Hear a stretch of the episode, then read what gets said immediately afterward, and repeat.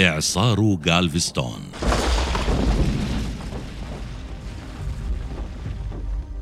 كارثة طبيعية دموية للغاية.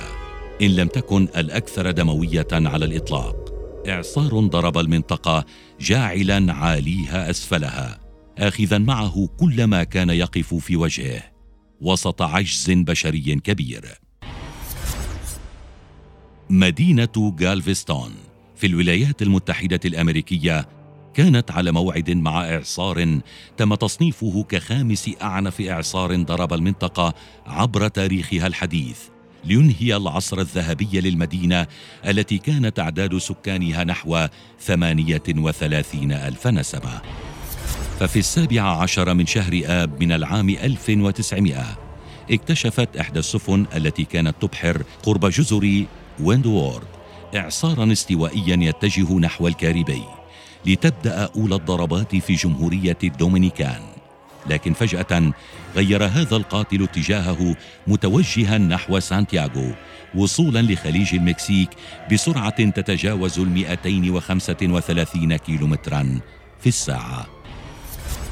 صراحة كان أهالي غالفستون معتادين على الأعاصير حيث أنهم قد نجوا من الكثير منها قبل هذا الإعصار.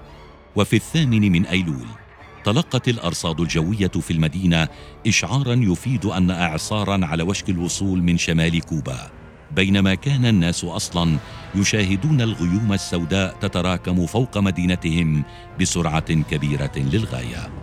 فما إن حل مساء ذلك اليوم حتى اقترب الإعصار كثيرا من المدينة كانت الريح قوية للغاية وباشرت في فعل ما تفعله الأعاصير عادةً. فلم تكن خيارات الناس مفتوحة وقتها للنجاة ولم يمهلهم الإعصار وقتا للتفكير في أن هذا المساء كان الأخير لمدينتهم التي يعرفونها.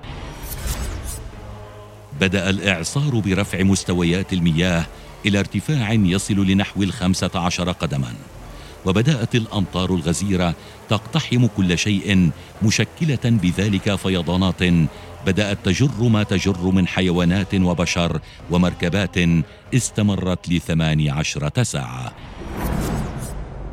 كل شيء بدأ بالغرق فاجتاحت هذه المياه الشوارع ودمرت المنازل والمباني وحتى المشافي. صراحة فكر الناس كثيرا بالهرب من المكان لكن دون جدوى. هذا ما كان في قرارة نفسهم. فعند رؤيه هكذا كارثة من شباك منزلك ستوقن تماما أن الموت المحقق سيكون شريكك الأبدي ما إذا قررت الخروج. صبيحة اليوم التالي. كان الإعصار قد خفف من وطأته على المدينة فخرج من نجا من الملاجئ ليصدموا بالمشهد المروع والمرعب. فكانت آلاف الجثث متناثرة في كل مكان فوق السطوح على الأعمدة الكهربائية وفي قيعان التلال القريبة. هذا الإعصار خلف ما مقداره 12 ألف ضحية من أصل 38 ألفا. هل تتخيل حجم الرقم؟ بالإضافة إلى سبعة آلاف مبنى وأربعة آلاف منزل. وليس هذا فحسب بل من نجا بقي دون مأوى.